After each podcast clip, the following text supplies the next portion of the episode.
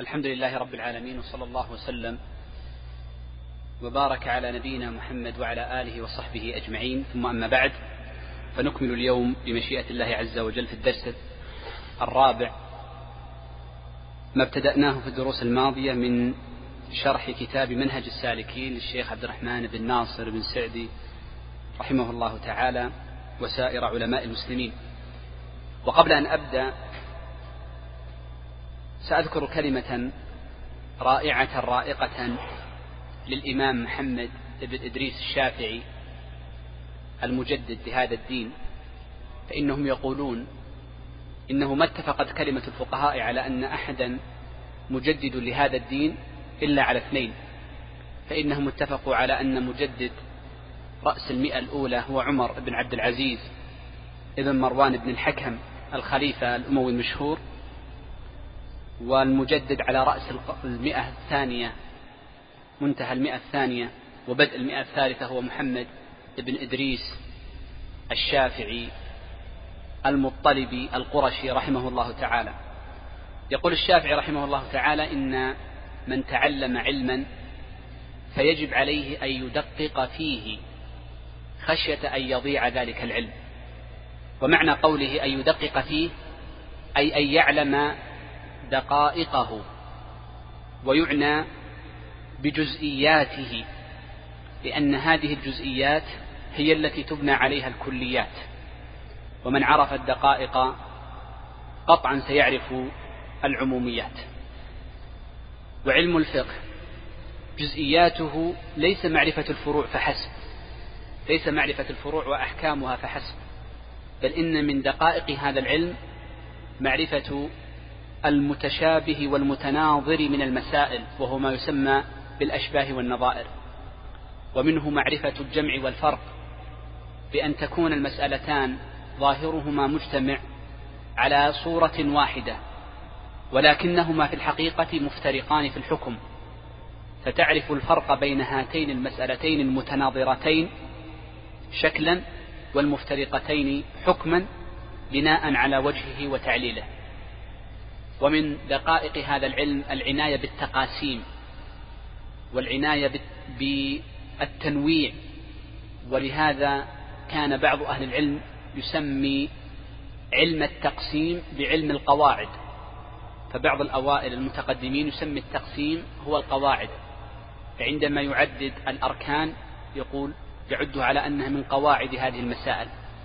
كأبي العباس بن القاص في كتابه التلخيص وغيره من أهل العلم جعلوا التنويع تقعيدا والتنويع مهم في هذا الباب. أردت أن أقول هذا بين يدي كتابنا الذي نشرحه لأنه يعنى بعض الشيء بهذه المسائل. يقول الشيخ رحمه الله تعالى ويمسح أي المتوضئ رأسه من مقدم رأسه إلى قفاه بيديه ثم يعيدهما إلى المحل الذي بدأ منه مرة واحدة. هذه هي مسألة مسح الرأس في الوضوء. مسح الرأس في الوضوء وقبل أن نتكلم عن صفة الكمال ثم نتبعها بصفة الإجزاء كما اتفقنا أود أن أبين أن أول كلمة فيه قول الشيخ ويمسح ويمسح ونحن قلنا إن درجات إمرار الماء على العضو أربع درجات أليس كذلك؟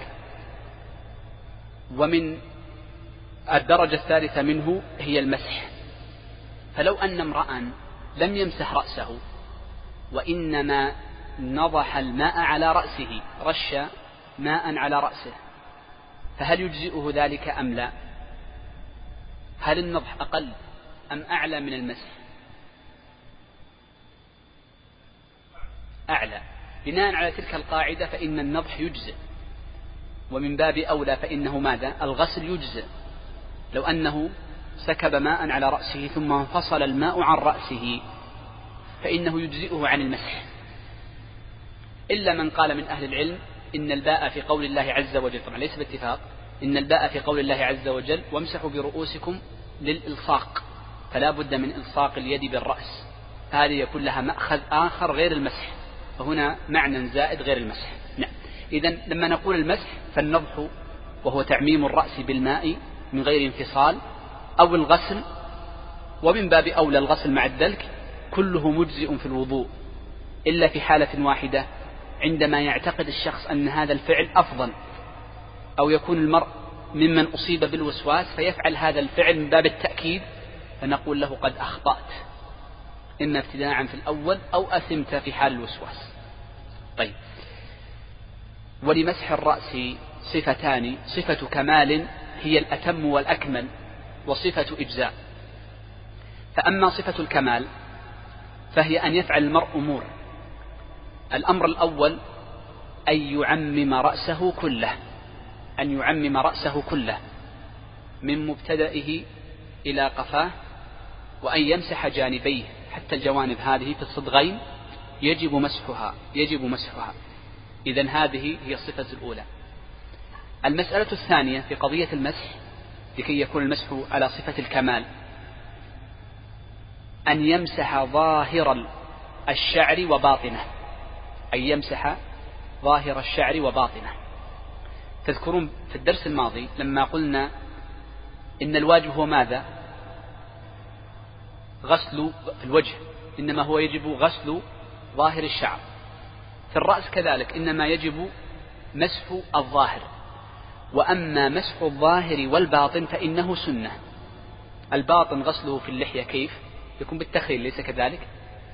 وأما مسح الباطن في الرأس فأن تقبل بيديك وتدبر على أي صفة شئت؟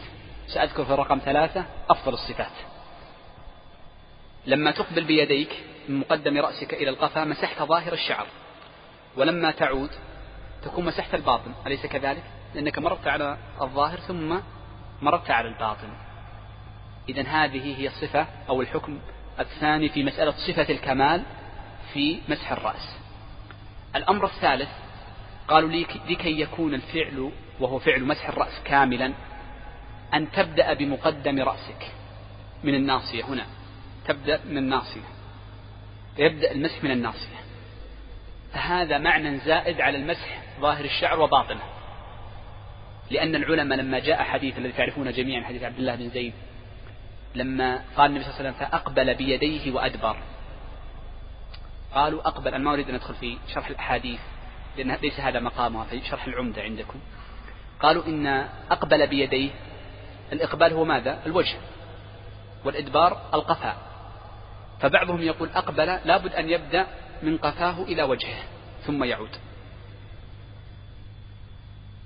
جاء بعضهم فيقول يبدأ من الرأس ثم يعود. وجاء بعضهم قال إنه بدأ بمقد ب... بحد لما جاء في بعض الروايات فبدأ بمقدم رأسه. فلا بد أن نقول أقبل يبدأ من النصف شوف كيف بعضهم قال يبدأ من النصف. فيقبل بهذه الهيئة ثم يدبر ثم يعود إلى النصف. ولكن هذه فيها إشكال. ما الإشكال؟ أنه أقبل ثم أدبر ثم أقبل. أصبح ثلاث والحديث أقبل ثم أدبر. ولذلك في الرواية الصحيحة فبدأ بمقدم رأسه وأن قوله أقبل وأدبر هاتان اللفظان هكذا تصاغ في لغة العرب. ما يقال أدبر وأقبل وإنما يقال أقبل وأدبر سواء ابتدأ بالأول أم بالثاني. إذا في السنة الثالثة لكي تكون صفة الكمال أن يبدأ بمقدم رأسه إلى منتهى ثم يعود إليه. الأمر الرابع أن يكون المسح بكلتا يديه. يجزئ أن تمسح بيد واحدة لكن أن تمسح بكلتا يديك أفضل لأن إذا كانت اليدان كلاهما يمسح بها المرء فإن الماء سيكون أكثر لأن كل يد سيكون عليها بلل فتمر بهما كليهما لكن يجوز أن تمسح بيد واحدة وتمر على رأسك كاملا. وصفة الكمال الرابعة وكلها صفات كمال لكن ليست واجب. الواجب سيأتي بعد قليل. وصفة الكمال الرابعة مسح الأذنين. فإن مسح الأذنين واجب ولكن صفة مسح الأذنين كما ذكر الشيخ أنه يدخل سباحتيه. السباحة هي هذا الشاهد. يدخلها في صماخ أذنيه والإبهام يجعلها في الظاهر أي ما بين أذنه وبين رأسه ثم يمسح ظاهر الأذن لا يمسح الرأس. لأن هذا البياض الذي بين الأذن شوف البياض الذي بين الأذن وبين الرأس ليس من الأذن وإنما يجب مسح ظاهر الأذن.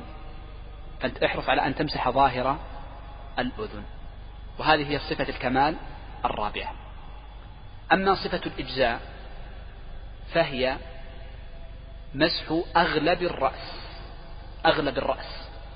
فإنه لا يجزئ مسح بعضه ولا ربعه كما قال بعضهم الباء للإصرار فيكفي مقدار اليد واليد تعادل الربع ولا ثلاث شعرات بل يجب مسح الرأس كله إلا ما عجز عنه الشخص فيمسح رأسه بأي صفة شاء بيده والواجب مسح الظاهر دون الباطن يمسح إما إقبالا أو إدبارا أحد الصفتين ما يشاء كلها واحد فتكون مسحة واحدة ليست إقبال وإدبار.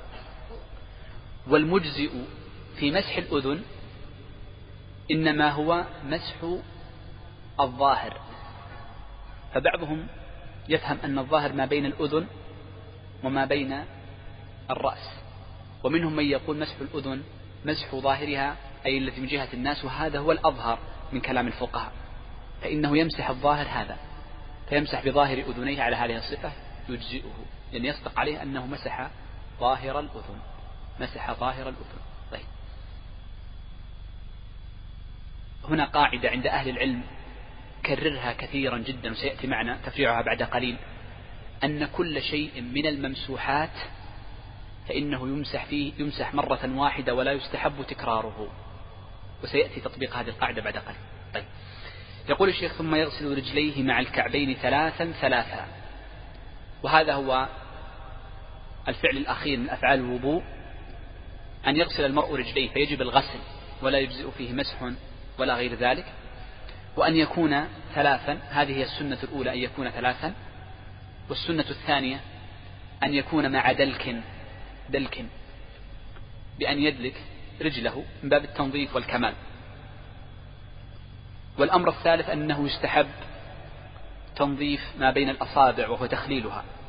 وقد جاء في بعض الروايات أن من الفطرة غسل البراجم. وفسر بعض أهل العلم غسل البراجم بغسل ما بين الأصابع والأماكن التي يصعب أن يصلها الماء وفي الغالب يتجمع فيها العرق والوسخ. وقبل أن أنتقل من هذه المسألة هنا مسألة ترد على كثير من الناس. أنه إذا غسل رجله تكون رجله فيها جلد ميت. فمهما سكب عليه من الماء فإن هذا الجلد لا يبتل بل لا بد فيه من الدلك الكثير حتى يرى أثر الماء. تسكب عليها ماء ثم ترتفع تجد أن الجلد ما زال يابسا وخاصة في أسفل القدم. فهل نقول انتبه معي فهل نقول إنه يلزم الدلك في هذه الحالة حتى يشرب الجلد الماء أم لا يلزم هذا الشيء؟ لا يلزم لأن الواجب إنما هو الغسل. ولا يجب الدلك في الوضوء إلا في حالة واحدة وهو إذا كان على العضو شيء يمنع وصول الماء. إذا كان هناك طين تدلك لكي يزول. إن كان هناك عجين تدلك لكي يزول. أما إذا كان الجلد يابسا ناشفا لا يقبل التطرية بالماء فإن مجرد سكب الماء عليه وإن ذهب معفو عنه. معفو عنه. يقول الشيخ والفرض من ذلك أي الواجب المجزي فيما سبق أن يغسل مرة واحدة. شوف عبر بأن يغسل.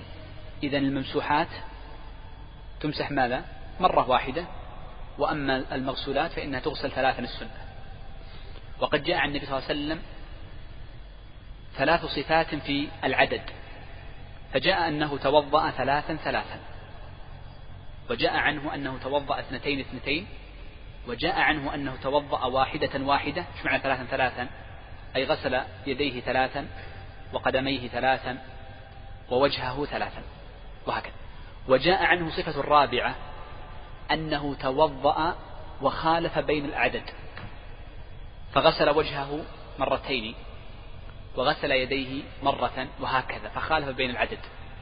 فلا يلزم أن يكون العدد الغسلات في جميع أعضاء الوضوء متساوي. لثبوت ذلك عن النبي صلى الله عليه وسلم وحصول السنة به.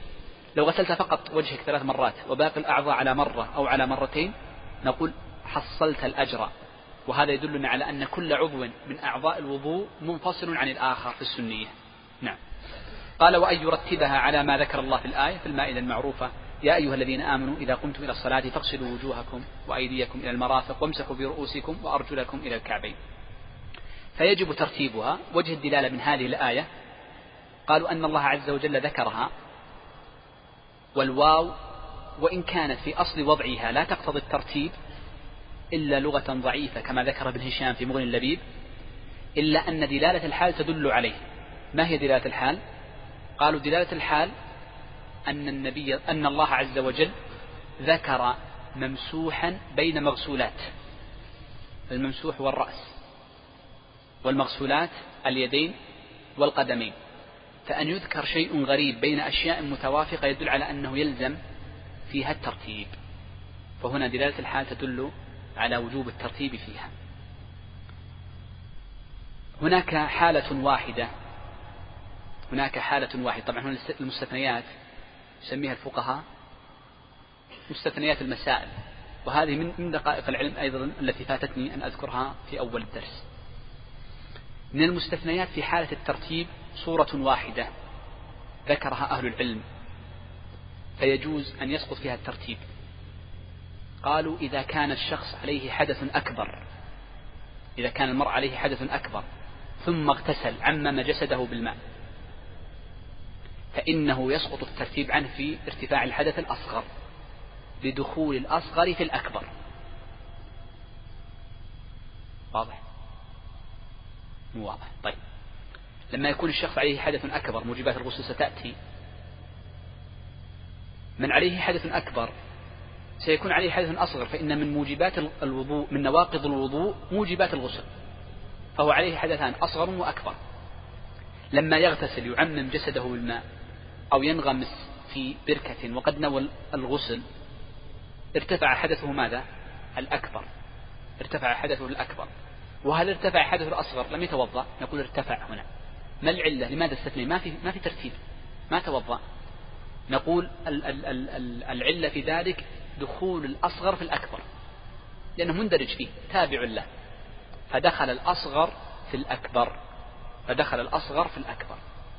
فهنا هي المستثنى الوحيد في هذه الصورة. وانتبه لقولي إذا كان عليه حدث أكبر. لأن هناك مسألة تشبهها. سأذكرها وإن كانت خارج الدرس لكن اعذروني. المسألة هي عندما يغتسل المرء ليس لحدث أكبر وإنما يغتسل لأجل التبرد أو لغسل يوم الجمعة أو نحو ذلك. فهل يرتفع حدثه الأصغر؟ شوف فهل يرتفع حدثه الأصغر بمجرد هذا الاغتسال أم لا بد له أن يتوضأ؟ قالوا لا ما يرتفع حدثه الأصغر. إلا بوجود أمرين. انتبه لهما. الأمر الأول أن ينوي رفع الحدث. ذكرت وش معنى ينوي رفع الحدث؟ أن يعرف أن عليه أن عليه حدثا أو أنه محدث وأن هذا الفعل يرفع الحدث ويبيح الصلاة. إذا لا بد من النية. واحد. اثنين. لا بد أن تجري عليه أربع جرايات. وهذا الذي رجحه جمع من أهل العلم كابن رجب في القواعد وهم مفهوم كثير كلام من أهل العلم. إيش معنى أن يجري عليها أربع جرايات إذا جلس المرء تحت الدش فالجرية الأولى على سائر بدنه نعتبر أنها للوجه. والجرية الثانية الدش مقصود به المروش. نعم. والجرية الثانية نعتبرها لماذا؟ ليديه. والجرية الثالثة مع أنها غسل نعتبرها لرأسه. إحنا قلنا الغسل يجزع عن المسح. والجرية الرابعة نعتبرها لماذا؟ لقدميه إذا من الذي لا يجري عليه أربع جريات؟ هو الذي ينغمس في الماء ويخرج هذا واحد. والثاني الذي يرمي يكب عليه كبة واحدة وهذا نادر الآن مع وجود هذه المراوش. وضحت المسألة؟ أو في صورة ثالثة أيضا الذي يغتسل بماء قليل ولكنه لا يراعي الترتيب بأن يبدأ في الاغتسال بقدميه ثم بيديه أو ثم برأسه ثم بيديه وماؤه قليل. هنا نقول لا يوجد ترتيب ولا يوجد جريات على سائر الجسد. وضحت هذه المسألة؟ يعني فهي مهمة جدا وكثيرا ما يقع فيها كثير من الناس. طيب يقول الشيخ ولا وألا يفصل بينها بفاصل طويل عرفا بحيث لا ينبني بعضه على بعض وكذا كل ما اشترطت له الموالاة هذا الشرط يقول يجب أن تكون الموالاة. إذا انتهينا من الترتيب الشرط الثاني لصحة الوضوء أن يكون هناك موالاة. ومعنى الموالاة أن يأتي بالفعل وعقبه الفعل الثاني. يأتي بفعل من أفعال الوضوء ثم يأتيه الفعل الذي بعده. والموالاة الدليل على وجوب الموالاة هو أنك عندما تفصل هذه الأعضاء تجعل كل عضو يغسل وحده فإن اللغة لا تسميه وضوءا. لغة طبعا بالاصطلاح الشرعي. ما يسمى وضوء؟ يسمى غسل يد. يسمى مسح رأس. فأنت عندما تفصل هذه الأشياء هذه الأفعال تفصلها فإنها تعتبر أشياء منفصلة. طيب ما ضابط ما ضابط الموالاة قالوا ضابط الموالاة كما ذكر الشيخ أن لا يكون فصل طويل عرفا بحيث لا ينبني بعضه على بعض. بحيث أن المرء إذا غسل مسح رأسه يعرف هو أن هذا مسح الرأس متعلق بالوضوء والذي يراه والذي يطلع عليه يعرف أن هذا متعلق بالذي قبله كأنه منبني على الذي قبله. نعم قد يفصل بينهما كلام طويل قد يفصل بينهما ذهاب ورجوع قد ينشف العضو السابق وقد لا ينشف. فالعبرة بالعرف بحيث أن الرائي لك يعرف أنك متوضئ وأن هذا المسح للرأس إنما هو لأجل الوضوء السابق. قال وكذا كل ما اشترطت له الموالاة مثل ماذا؟ ذكروني. شيء تشترط له الموالاة بين أجزاء متعددة. أحسنت. الطواف. الطواف كل شوط من الأشواط يشترط له الموالاة مع الذي قبله. فلا يفصل بين شوط وشوط بفصل طويل عرفا. بفصل طويل عرفا. السعي تشترط له الموالاة لا. لما؟ قالوا لأن سودة بنت عبد الله ابن عمر رضي الله عنها وعن أبيها كانت امرأة بدينة جدا فكانت تسعى بين الصفا والمروة كل يوم شوط. فسعت بين الصفا والمروة سبعة أيام. فهذا كان بمحضر أبيها والصحابة رضوان الله عليهم ولم ينكروه فدل ذلك على أنه يعني شبه إجماع سكوتي على عدم اشتراط الموالاة بين أشواط السعي.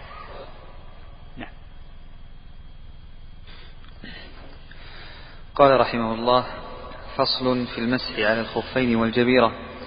فإن كان عليه خفان ونحوهما مسح عليهما إن شاء يوما وليلة للمقيم وثلاثة أيام بلياليهن للمسافر بشرط أن يلبسهما على طهارة ولا يمسحهما إلا في الحدث الأصغر. عن أنس مرفوعا إذا توضأ أحدكم ولبس خفيه فليمسح عليهما وليصلي فيهما ولا يخلعهما إن شاء إلا من جنابه. رواه الحاكم وصححه. فإن كان على أعضاء وضوئه جبيرة على كسر أو دواء على جرح ويضره الغسل مسحه بالماء في الحدث الأكبر والأصغر حتى يبرأ. وصفة مسح الخفين أن يمسح أكثر ظاهرهما وأما الجبيرة فيمسح على جميعها. نعم. آه بدأ الشيخ رحمه الله تعالى بباب المسح على الحوائل يسميها الفقهاء باب المسح على الحوائل. ويعنون بالحوائل الخفين والجبائر نبدأ بأولها وهي وهما الخفان وما في حكمهما. يقول الشيخ رحمه الله تعالى فإن كان عليه خفان ونحوهما مسح عليهما إن شاء. هذه الجملة فيها مسائل. المسألة الأولى عند قول الشيخ فإن كان عليه خفان. فإن كان عليه خفان. هذه الجملة تفيدنا أمور. الأمر الأول أنه لا يصح المسح على الخف إذا كان الآخر مخلوعا. ما يصح المسح بل لا بد أن يكون الخفان كلاهما ملبوسان. لقول النبي صلى الله عليه وسلم في حديث المغيرة دعهما فإني أدخلتهما طاهرتين.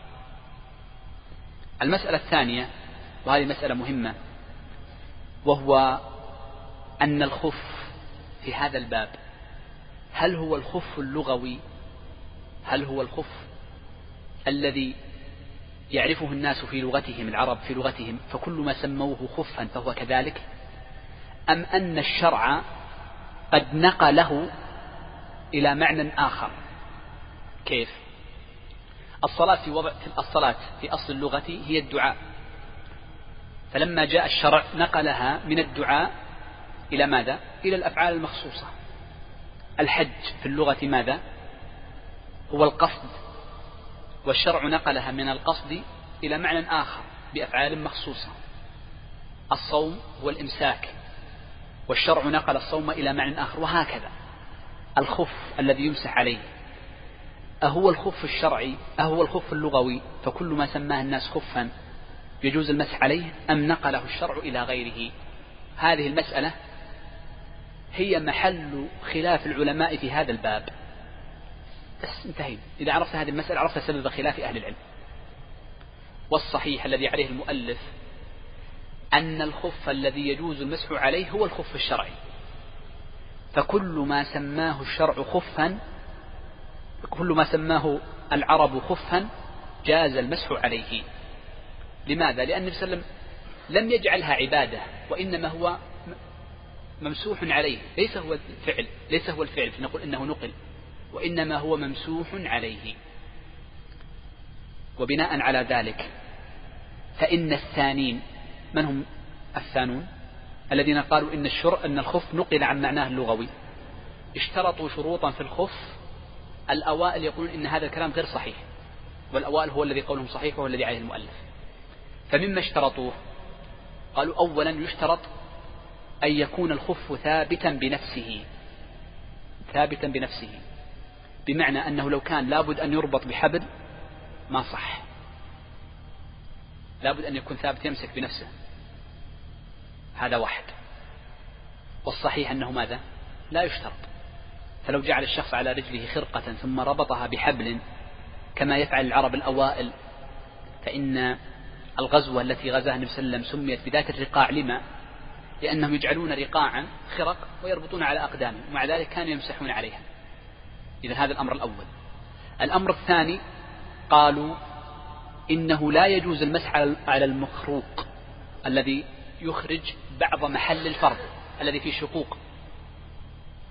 ولكن العرب قديما كانوا فقراء وخفافهم غالبها مشقق. ومع ذلك تسمى في لغة العرب ماذا؟ تسمى ماذا؟ خفا فدل على أنه يجوز المسح عليه.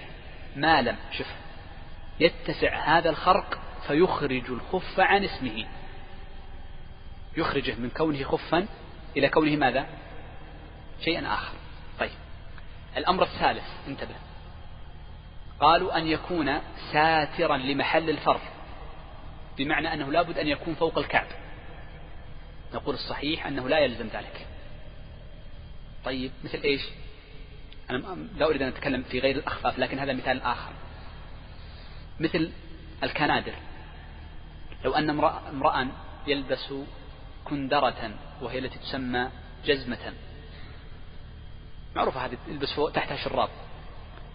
إذا لبسها المرء بدون شراب ألم يخرج كعبة؟ هنا ليست ساترة لمحل الفرض.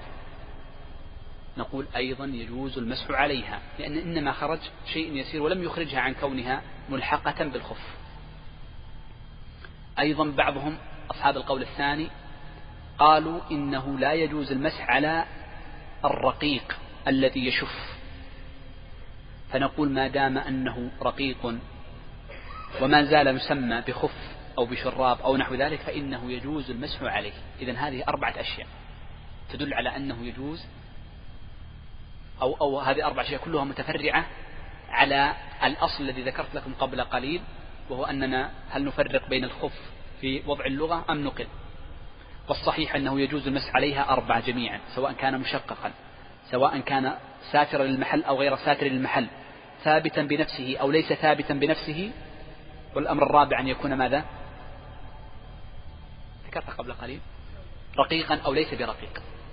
الأمر الخامس من العلماء من قال إن الخف الذي أجازه الشرع لا بد أن يكون من جلد. وأما غير الجلد فلا يجوز. لأن الخفاف التي كانت في عهد النبي صلى الله عليه وسلم إنما كانت من جلد. وهذا مذهب لبعض الحنفية. لذا ترى, ترى بعض الإخوة الحنفية من بعض البلدان في عز البرد إذا لبس شرابا لا بد أن يخلعه ويتوضأ لأنه لا يجوز المسح على الجورب وإنما يجيزون المسح على الخف الذي يكون من جلد. ولكن الصحيح أن كل هذه الأمور الخمسة جائزة لأن غير الجلد ملحق به ملحق به كالشراب الحذاء أعزكم الله ونحو ذلك. طيب. قول الشيخ ونحوهما الجملة الثانية هذه هي المسألة الخامسة الذي كنت أريد أن أتحدث عنها فهي داخلة في قول الشيخ ونحوهما أي ونحو الخفان. قال مسح عليهما إن شاء. قوله إن شاء هذه تدلنا على مسألة مهمة. وهو هل الأفضل الأفضل المسح أم الأفضل عدم المسح؟ فمن قال أو من فهم أن الأفضل المسح فيقول ألبس الشراب لكي أمسح عليه. ومن قال أفضل عدم المسح يقول أفسخ الشراب لكي أغسل رجلي. فنقول ليس الأفضل المسح وليس الأفضل هو الغسل الرجل. وإنما الأفضل حسب الحال. إن كنت لابسا الشراب فالأفضل أن تمسح إلا أن تريد النظافة. وإن كنت خالعا فالأفضل أن تغسل قدمك. فلا تلبس الخف لأجل المسح ولا تخلع الخف لأجل ماذا؟ الغسل. طيب رجل في شدة البرد بعد فترة قريبة يقول الفجر برد وأنا أريد أن أتوضأ من الليل وألبس الشراب بحيث أني إذا قمت في صلاة الفجر أمسح. فهنا هو مسح لأجل ماذا؟ لأجل برد. فنقول لا بأس عليك فهنا لبسك لأجل مصلحة لك. والمقصود من, من الإجازة المسح على الخفين إنما هو التيسير على المسلمين. نعم. الجملة الثانية يقول الشيخ رحمه الله تعالى يوما وليلة للمقيم. هذه مسألة دقيقة مهمة. هنا قاعدة عندنا. ما جاء فيه التوقيت بيوم وليلة. أو بأكثر بيومين وليلتين أو ثلاثة أيام بلياليهن. يوم وليلة مثل ماذا؟ مثل هنا. وثلاثة أيام بلياليهن مثل في المسح هنا. أربعة أيام بلياليهن مثل إيش؟ المسافر يجوز له قصر الصلاة يعني يلحق بال... المقيم يلحق بالمسافر إذا مكث أربعة أيام بلياليهن. كيف نحسب اليوم والليلة؟ هل نقول إنها من الساعة ست؟ احسب من الساعة ست إلى الساعة ست بالساعات؟ نعم من أهل العلم من قال ذلك. ولكن قاعدة عند أهل العلم أن ما قدره الشرع باليوم والليلة فإنما يقدر بالأوقات بالصلوات. فلذلك عندما يقولون أربعة أيام بلياليهن في في السفر فإنك تصلي عشرين فرضا. فإذا صليت في بلد واحد واحدا وعشرين فرضا فإنك تكون مقيم. لا يجوز لك القصر ولا, ولا, ولا, ولا الجمع. وكذلك هنا فعندما نقول يوم وليلة فالمقصود ماذا؟ خمس صلوات واجبة. افهم هذه وسأذكر لك تطبيقها بعد قليل. المسألة الثانية وثلاثة أيام بلياليهن يعني كم؟ يعني كم؟ خمس عشرة صلاة. طيب انتبه. المسألة الثانية متى نبدأ المدة؟ متى تبدأ المدة؟ تبدأ مدة هذه الأيام بلياليهن كما قال النبي صلى الله عليه وسلم يمسح المقيم. يوما وليلة. إذا يمسح مسحا واجبا. يبدأ المسح المدة من حين أول مسح واجب. وهو معنى قولهم من أول حدث بعد اللبس. نفس المعنى. سيأتي كيف من نفس المعنى. لما نقول يمسح من أول مسح واجب رجل توضأ صلاة الفجر. ولبس الخف. جاء الظهر ما انتقض وضوءه. انتبه. جاء الظهر لم ينتقض وضوءه. العصر نام قبل صلاة العصر فانتقض وضوءه. فتوضأ لصلاة العصر ومسح. المغرب لم ينتقض وضوءه أو انتقض كلاهما واحد. متى نبدأ المدة؟ من العصر. أحسنت. إذا يبدأ المدة من متى؟ من العصر لأنه أول مسح واجب. مسح الظهر واجب ولا مستحب؟ الوضوء أصلا مستحب لأنه لم ينتقض وضوءه. فالمسح للظهر مستحب وليس واجب. العبارة الثانية عندما قالوا تبدأ المدة من أول حدث بعد اللبس. صاحبنا متى أحدث؟ بعد صلاة الظهر مباشرة. هل إحنا قلنا نعتبر بماذا؟ بالصلوات. إذا أول صلاة واجبة هي ماذا؟ العصر. انتهينا. طيب. المدة قلنا كم؟ خمس صلوات. يمسح العصر ويمسح المغرب ويمسح العشاء ويمسح الفجر ويمسح بكرة الظهر. فإذا أراد أن يصلي العصر فلا بد له أن أن يغسل رجله يخلع الخف ويغسل رجله. طيب لو انتقض وضوءه بعد الظهر وأراد أن يتوضأ لسنة أو لطواف نقول كذلك لأنها انتهت المدة خمس صلوات. انتهت الخمس صلوات. بعد الظهر انتهت الصلوات الخمس. فما تمسح. آخر شيء صلاة الظهر. انتهينا. جيد؟ طيب. هل نأتي بمثال يعني غريب شوي من باب الإغراء في المسائل. لو أن امرأ كان مسافرا وأخر صلاة العشاء مع المغرب جمع المغرب والعشاء وأخرها إلى ثلث الليل الأول أو نصف الليل سيأتي معنا المواقيت. ثم مسح مسحا واجبا. صلى الساعة كم نقول؟ 11 11 في الليل ما هي الصلوات الخمس؟ ما هي وقته؟ نحسب من متى؟ من العشاء ولا من المغرب؟ لا تبدأ المدة من المغرب. لماذا؟ لأن أول صلاة صلاها بمسح واجب هي ماذا؟ المغرب. طيب نصليها الساعة 12 إيش من دخلها في العشاء؟ لأن العبرة بالصلوات وليس بالساعات وليس بالساعات. وهذا الذي نص عليه جمع من أهل العلم وهو الذي يعرف الناس جميعا. نعم كان في عهد النبي صلى الله عليه وسلم الساعات 24 ساعة في اليوم. تعرفون الأثر المشهور عن ابن عباس؟ اليوم 24 ساعة. لكن هذا لا يعرف عامة الناس في عهد النبي صلى الله عليه وسلم مما يدل على أن العبرة بالصلوات والفرائض وهذا الذي قرره جمع من أهل العلم كالمرداوي وغيره طيب. قال بشرط أن يلبسهما على طهارة. بشرط أن يلبسهما على طهارة.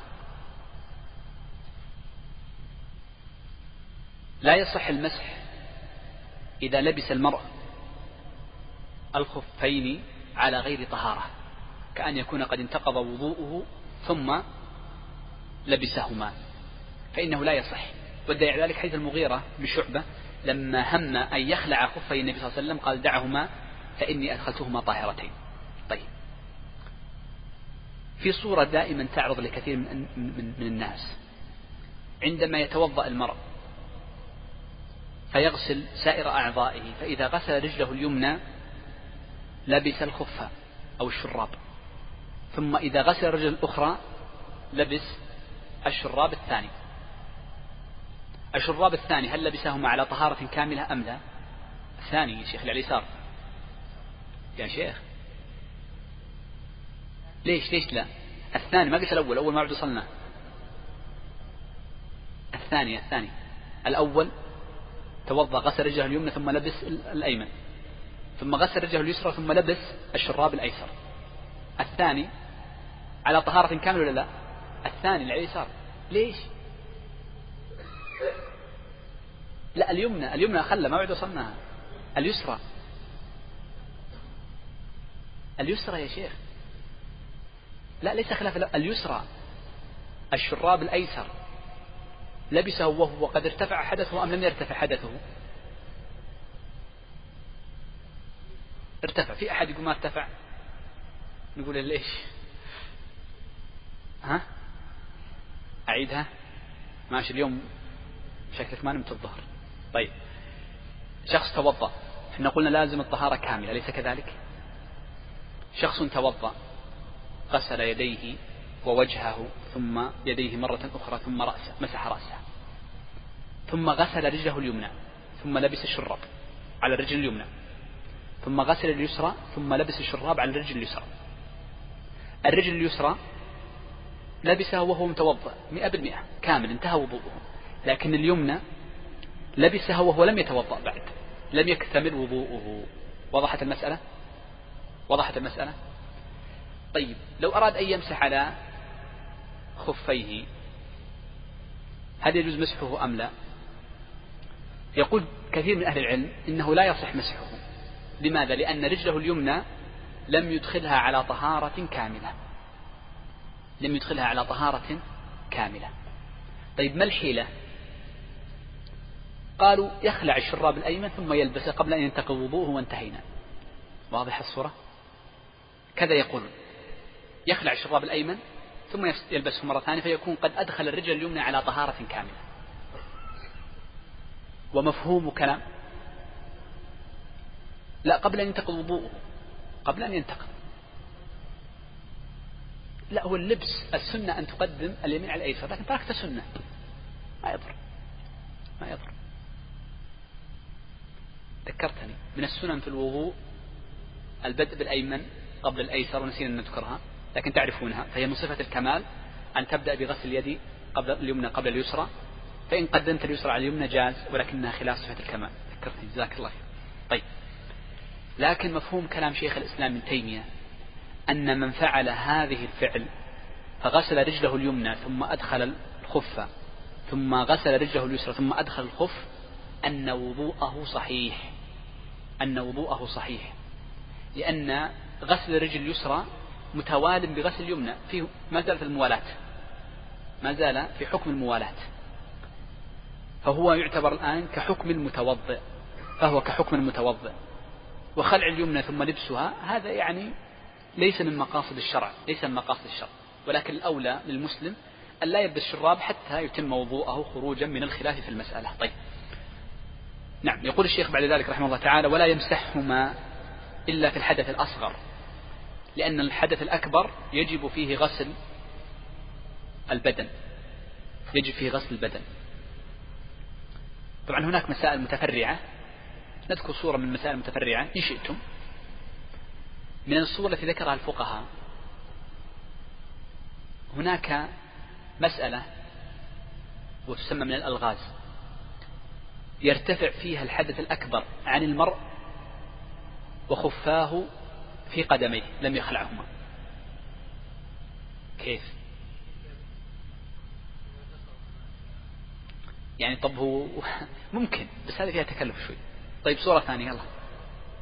يقول أخونا يقول إذا انغمس هو وخفاه في الماء فجزم أن الماء قد وصل لقدميه. نعم ممكن لكن قد تكون. نعم. نعم إذا كان المرء لا يستطيع لا يوجد عنده ماء. فهنا يجوز له أن يتيمم وإن كان قدماه في خفين. نعم. فهنا لا يخلعهما طيب. يقول الشيخ عن أنس مرفوعا إذا توضأ أحدكم ولبس خفيه فليمسح عليهما وليصلي فيهما ولا يخلعهما إن شاء إلا من جنابة. هذا يدل على أن الحدث الأصغر هو الذي يمسح فيه دون الأكبر. ثم بدأ الشيخ في مسألة أخرى مهمة قد أذكر فيها بعض التفصيل أكثر من المسح الخف لدقة مسائلها وهي قضية المسح على الجبيرة. يقول الشيخ فإن كان على أعضاء وضوئه جبيرة على كسر أو دواء على جرح ويضره الغسل مسحه بالماء في الحدث الأصغر والأك في الحدث الأكبر والأصغر حتى يبرأ. الجبيرة ما هي أول شيء؟ هناك جبيرة وهناك شيء في حكم الجبيرة. نبدأ أولا الجبيرة ما هي؟ قالوا الجبيرة هي ما يستر به محل الفرض سواء كان محل فرض الوضوء أعضاء الوضوء المعروفة أو محل فرض الغسل كأن يكون على الصدر أو على الظهر ونحو ذلك. لأجل العلاج. فيشمل الجبيرة الجبس. وتشمل الجبيرة ماذا؟ لصق لصق. وتشمل الجبيرة أيضا الشاش هذا الشاش. وتشمل الجبيرة أيضا الخرقة لما يكون الشخص عليه جرح في يده جرح. وليس معه دواء لها فأحيانا يضع عليها منديل هذه جبيرة تسمى جبيرة. وما شئت من الصور سنفرع لها بعد قليل. طيب. النظر للجبيرة ننظر لها بجهات. ننظر للجبيرة أولا باعتبار الحاجة إليها وعدم الحاجة إليها. فنقول إن الجبيرة باعتبار الحاجة لها وعدم الحاجة لها على ثلاثة أقسام. ركز معي شوي. هذه تحتاج إلى بعض التركيز. القسم الأول أن تكون الجبيرة محتاجا لها واحد. والشرط الثاني أن تكون غير زائدة عن الحاجة. يعني رجل منكسر يده فقط مجبرة الذراع. فليست زائدة عن محل الحاجة. فهنا يجوز عليها المسح باتفاق أي باتفاق القائلين بالمسح. لأن بعض الظاهرية يمنع المسح لضعف الحديث فيه عنده. لكن إجماع منعقد إجماع متقدم على جواز المسح. إذا الحالة الأولى ماذا؟ محتاج لها وماذا؟ لم تجاوز محل الحاجة. الحالة الثانية أن تكون الجبيرة غير محتاج لها. ليست لها حاجة. مثل ماذا؟ بعض الشباب يلبس هذا الكف. الكف. هذا ما فيه يستطيع أن يفكه ويتوضأ ويرجع. هنا نقول يجب نزعها يجب نزعها. أو يكون بعض الناس قد جعل لصقا لغير حاجة لغير حاجة أمثلة كثيرة جدا. فيجب نزع هذا اللصق. الحالة الثالثة أن تكون لحاجة لكنها جاوزت محل الحاجة. أن تكون لحاجة لكنها جاوزت محل الحاجة. أن يكون الجرح صغير ثم تذهب للمستشفى يجعل لك لصق كبير أكبر من أكبر من الموضع. أكبر بكثير. أكبر يعني بكثير جدا. نعم اللصق لابد أن يكون يمين ويسار. ماذا؟ لكي يثبت. هذا يعتبر محل الحاجة لأن ما ثبوت الجرح منه. إذا كانت الجبيرة على قدر لحاجة لكنها جاوزت محل الحاجة. فيقولون إن استطاع المرء نزعها نزع ما زاد عن حاجة فيجب نزعه. فيجب نزعه. وإن لم يستطع نزعه بأن يكون فيه إتلاف وليس عنده إلا هذه الجبيرة أو يكون إن نزعها قد ضرت جرحه. فالصحيح الذي عليه المؤلف وعليه الجمهور أو عليه الشيخ تقي الدين وهو الذي يفتى به أنه يمسح عليها فقط. يمسح عليها فقط. من المذهب يقول يجب أن يمسح ويزيد عليه التيمم لكن صحيح فقط مسح. إذا أصبحت الحالة الثالثة ملحقة بالحالة ماذا؟ الأولى. إن عجز عن إزالة الزائد. أظن هذه مهمة جدا لكي نعرفها. إذا عرفتها عرفت كلام الفقهاء متى يجمع مع الجبيرة تيمم ومتى لا يجمع والصحيح أنه لا يجمع مطلقا. لا يجمع مطلقا. لأن إن كنت مستطيع يجب نزعها وإن لم تستطع فهو معفو عنه فهو معفو عنه. طيب انتهينا الآن من الجبائر وحال وأقسامها الثلاثة. هناك أشياء تسمى ملحقة بالجبيرة. هناك أشياء ملحقة بالجبيرة وهي التي ذكرها الشيخ. قال إذا كان دواء على جرح. الدواء الذي على الجرح يكون في حرق في يدك فتجعل عليه دواء الحروق. دواء الحروق هذا. هذا دواء على جرح. ليس عليه غطاء لكنه ملحق بالجبيرة. ملحق بالجبيرة. سنتكلم كيف مسح الجبيرة بعد قليل. هناك أمر ثالث إضافة على ما ذكره الشيخ ملحق بالجبيرة. وهذا الشيء هو الجرح المكشوف. الجرح المكشوف. فالصحيح أن الجرح المكشوف ملحق بالجبيرة فيجوز المسح عليه. لماذا؟ لأنه إذا كان مغطى يجوز المسح عليه. فمن باب أولى إذا كان مكشوفا فهل نقول غط, غط الجرح لكي تمسح عليه؟ طبعا لماذا ذكرت هذا الشيء؟ لأن من أهل العلم من يقول وهو المذهب وقول جماهير أهل العلم أنه إذا كان مكشوفا لا يجوز المسح عليه بل يجب التيمم له ولكن الصحيح أنه يجوز مسحه. إذا أصبحت عندنا الجبيرة ويلحق بها الدواء إذا غطى الجرح ويلحق به الجرح الذي لا يمكن غسل غسله بالماء بأن يكون يؤلم أو يزيد أو يؤخر البرء أو يزيد أو يزيد المرض. مثل مثل ماذا يزيد المرض؟ بعض الناس عنده أكزيما يعني حساسية من الماء. فإذا جعل جاءها الماء غسل ربما زادت وتكون مؤذية. هنا زاد زاد. فنقول هذا ملحق بماذا؟ بالجبيرة. ملحق بالجبيرة. شخص في يده حروق خلاص زالت الدهون التي عليها. فهل يمسح عليها؟ أم يجب التيمم؟ هذا نقول الصحيح أنه ملحق بالجبيرة. طيب. ما الذي يجب في الجبيرة؟ طبعا الملحق خلينا نجيب في الجبيرة ثم نتكلم عن الملحق بعد قليل. الذي يجب في الجبيرة مسحه فقط مسح العضو مسحه كاملا. يعني محل الفرض منه فقط. مسح الجبيرة إذا كانت على محل الفرض تمسحها كاملة ليس الظاهر مثل القدمين بل كلها تمسحها مسحا لا يجب غسله. طيب فإن غسله المرء كان على يده, يده لصق كثير من الناس يكون في جرح فيجعل عليها لصق معي؟ ثم يتوضأ يقول ما يضره الماء. يجزئ أم لا يجزئه؟ يجزئه. لماذا؟ لأنه غسل والواجب إنما هو المسح فقط. طيب انتبه. لو كان اللصق هذا جرح يعني تستطيع أن تضر تزيله ولا ولا يضرك. مئة بالمئة. ليس يؤخر البر لا يؤلم. فهل يجب إزالة اللصق؟ نعم يجب إزالته. لكن لو كان يندي أو يؤلم ونحو ذلك لا أبقيها لا يضرك.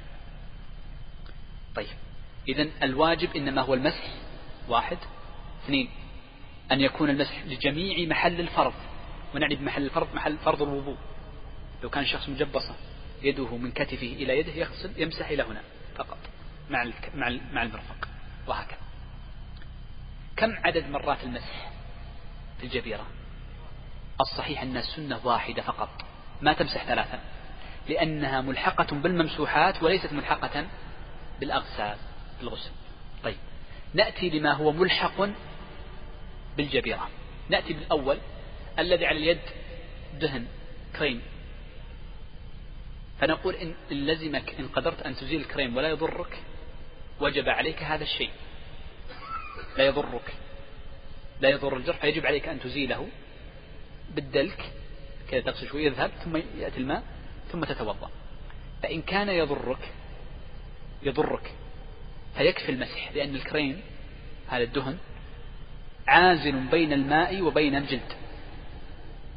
فيكفي فيه المسح تمسح مسحا. تمسح مسح لأنه كالجبيرة.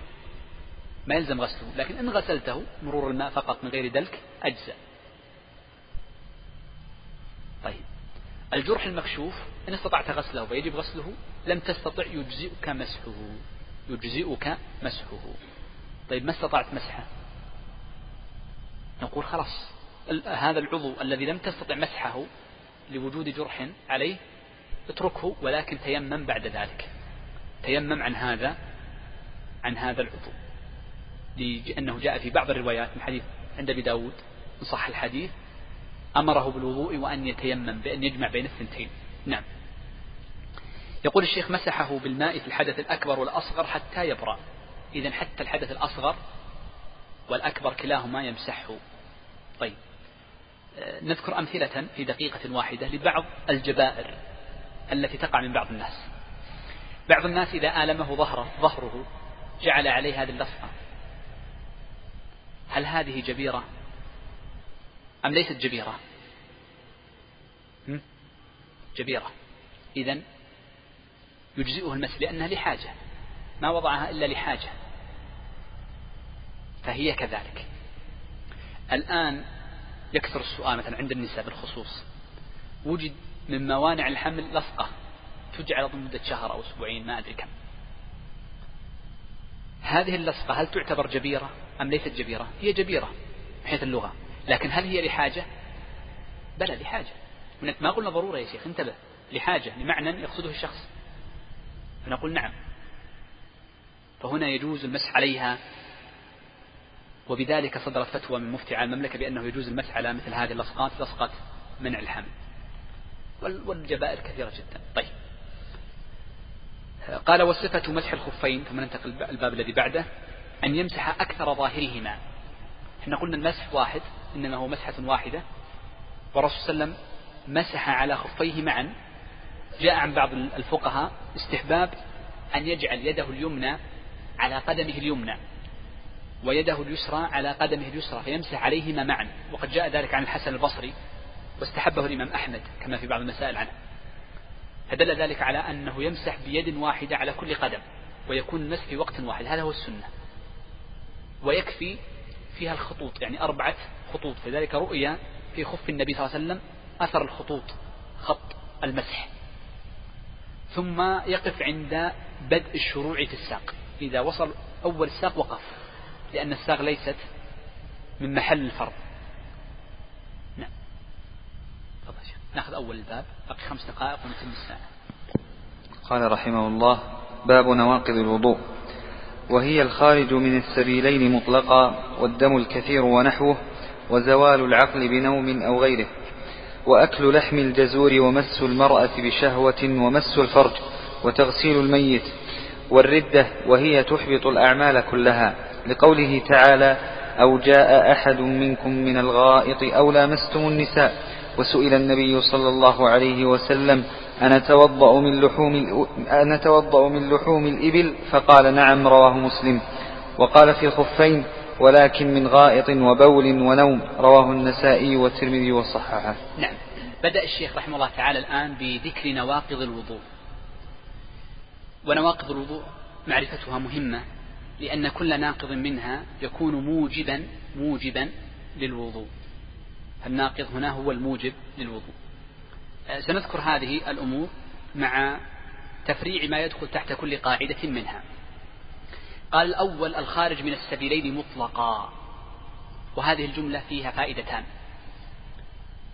الفائدة الأولى أو نقول ثلاث فائد ثلاث فوائد من كل كلمة نأخذ فائدة.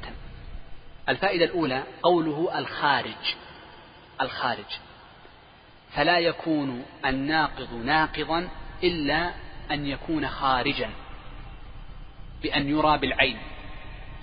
فمجرد إحساس المرء بانتقال البول من مكانه أو نحو ذلك أو بانتقال أو تحس المرأة مثلا مثلا في الغسل بانتقال الدم في أحشائها لكنها لم ترى الدم خارجا فإنه لا يكون موجبا لا للوضوء ولا للغسل.